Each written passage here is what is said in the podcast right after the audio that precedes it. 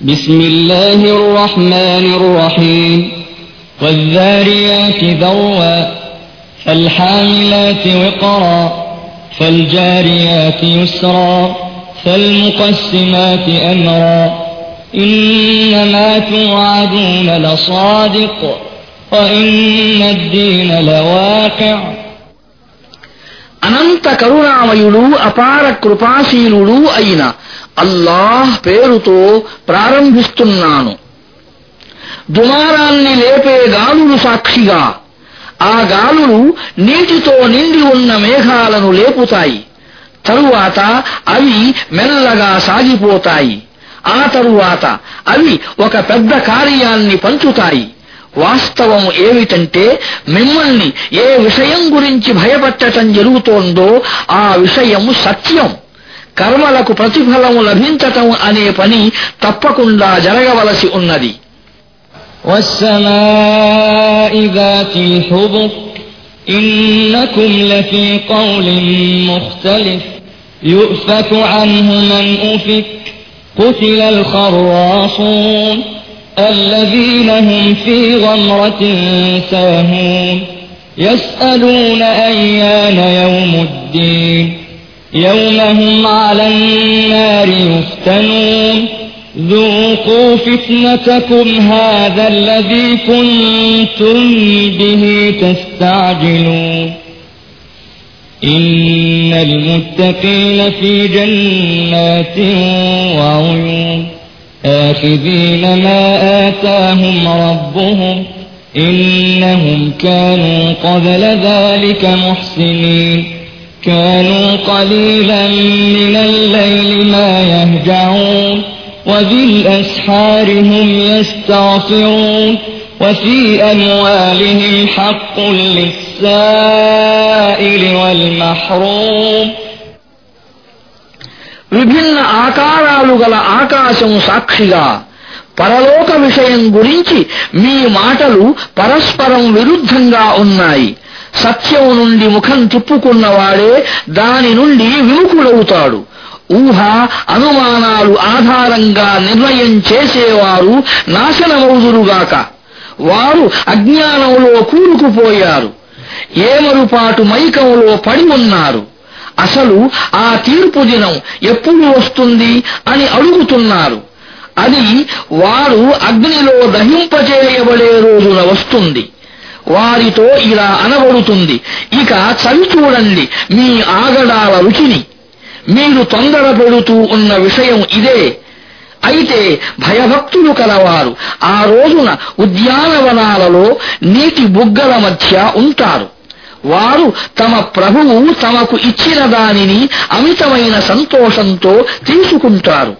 ఆ దినం రాక పూర్వం వారు సత్కార్యాలు చేసేవారుగా రాత్రి వేళలలో చాలా తక్కువ నిదురపోయేవారుగా అదే రాత్రి చివరి ఘడియలలో క్షమాపణ వేడుకునేవారుగా ఉండేవారు. వారి సంపదలో యాచకులకు అగత్యం కలవారికి హక్కు ఉండేది. وفي الأرض آيات للموقنين وفي أنفسكم أفلا تبصرون وفي السماء رزقكم وما توعدون فورب السماء والأرض إنه لحق مثل ما أنكم تنطقون నమ్మేవారి కొరకు భూమిలో ఎన్నో నిదర్శనాలు ఉన్నాయి. స్వయంగా మీలోనూ ఉన్నాయి. మీరు ఆలోచించరా? ఆకాశంలోనే ఉంది. మీ ఉపాధి కూడా. మీకు వాగ్దానం చేయబడుతున్నది కూడా. కనుక భూమి ఆకాశాల ప్రభువు సాక్షిగా ఇది సత్యం. మీరు ఇప్పుడు మాట్లాడుతున్నంత నమ్మకమైనది. هل أتاك حديث ضيف إبراهيم المكرمين؟ إذ دخلوا عليه فقالوا سلاما قال سلام قوم منكرون. فراغ إلى أهله فجاء بعجل سمين. فقربه إليهم قال ألا تأكلون؟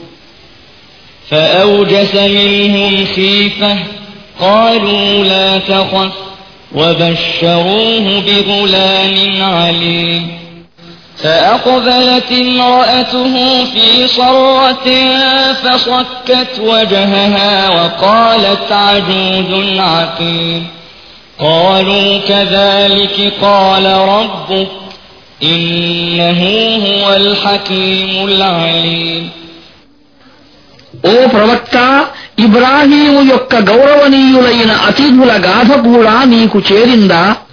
వారు అతని వద్దకు వచ్చి మీకు సలాం అని అన్నారు.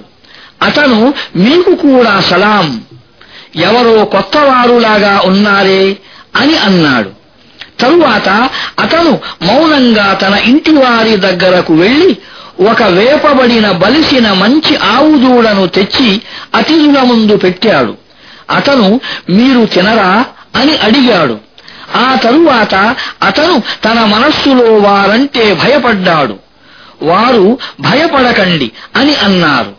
వారు అతనికి ఒక జ్ఞాన సంపన్నుడైన కుమారుడు జన్మిస్తాడని శుభవార్త వినిపించారు. ఇది విన్నంతనే అతని భార్య అరుస్తూ బయటికి వచ్చి నెత్తి నోరు బాదుకుంటూ ముసలిదానిక గొడ్రాలిక అని అన్నది. అప్పుడు వారు నీ ప్రభువు ఇదే అన్నాడు ఆయన వివేకవంతుడు అన్నీ తెలిసినవాడును అని అన్నారు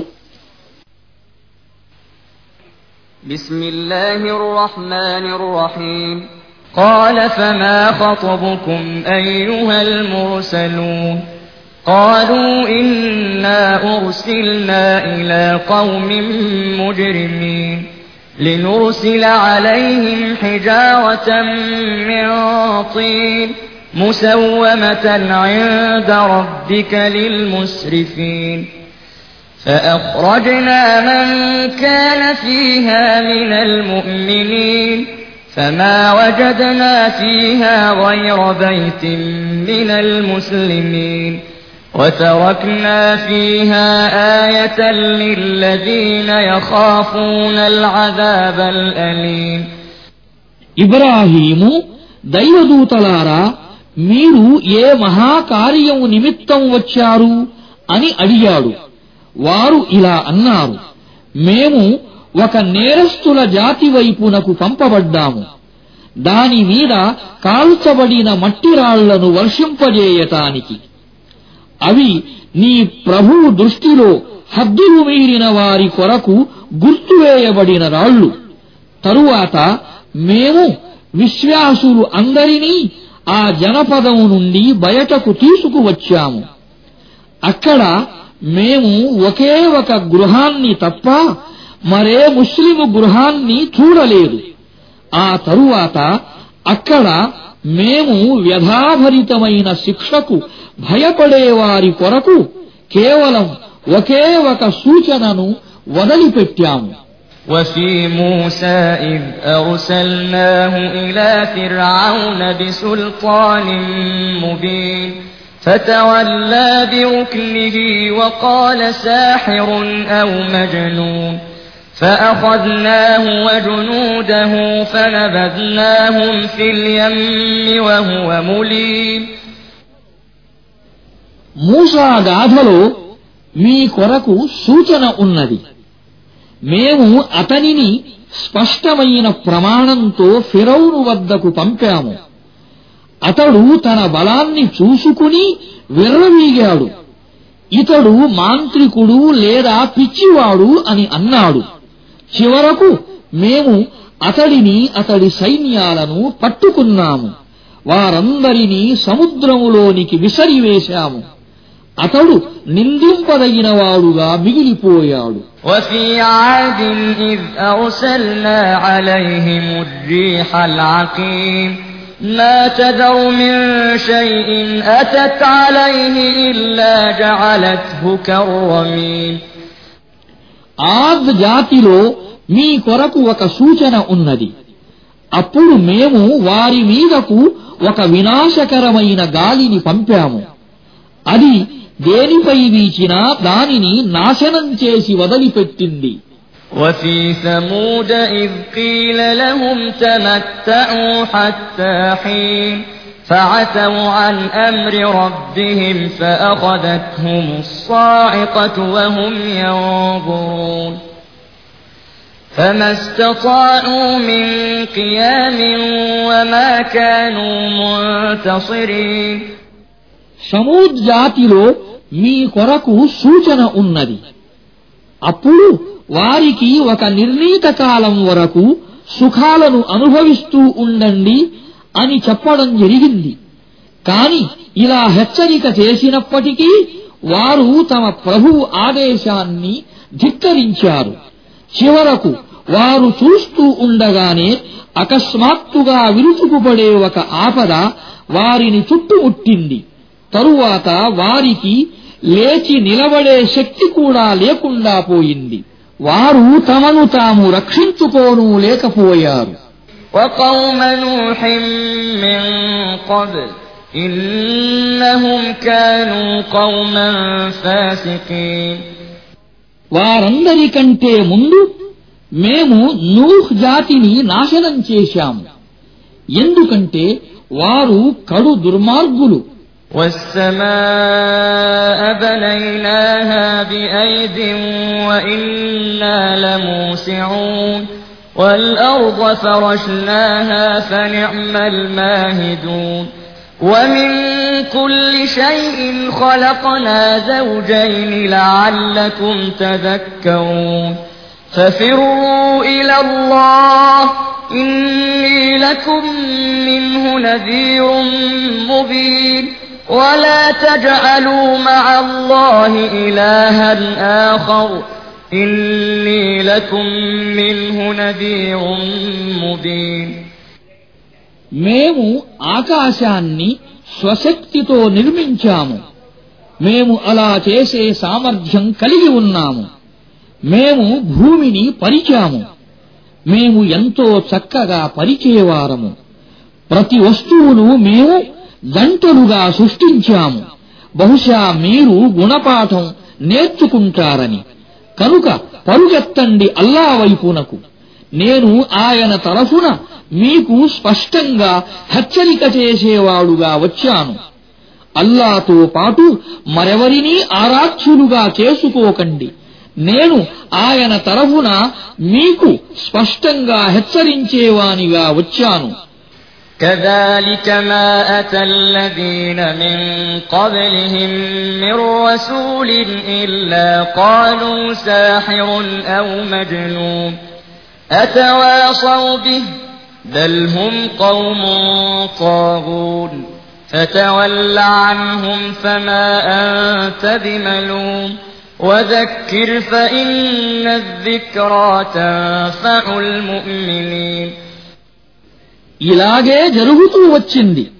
వారికి పూర్వపు జాతుల వద్దకు కూడా ఇతడు మాంత్రికుడు లేదా పిచ్చివాడు అని నిందింపబడనటువంటి ఏ ప్రవక్త రాలేదు. ఈ విషయం గురించి వారంతా పరస్పరం కూడబలుక్కున్నారా ఏమిటి? అది కాదు అసలు వారంతా హద్దులు మీరినవారు. కనుక ప్రవక్త వారి నుండి ముఖం మరల్చుకో.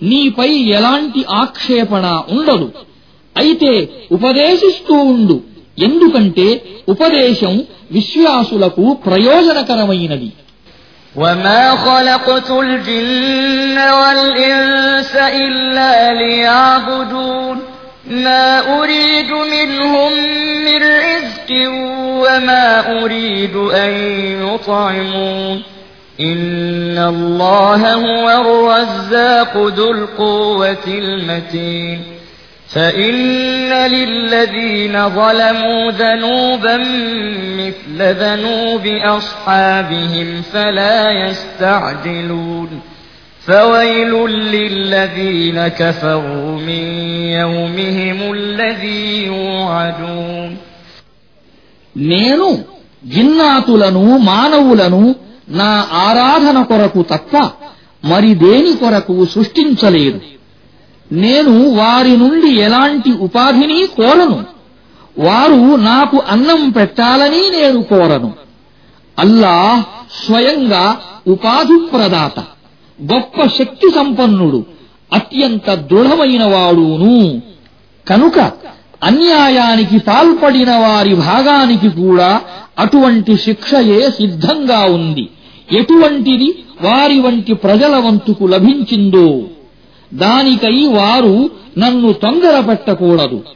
చివరకు ఆ రోజున అవిశ్వాసానికి పాల్పడిన వారికి వినాశం కలుగుతుంది. ఆ రోజును గురించే వారిని భయపెట్టటం జరుగుతోంది.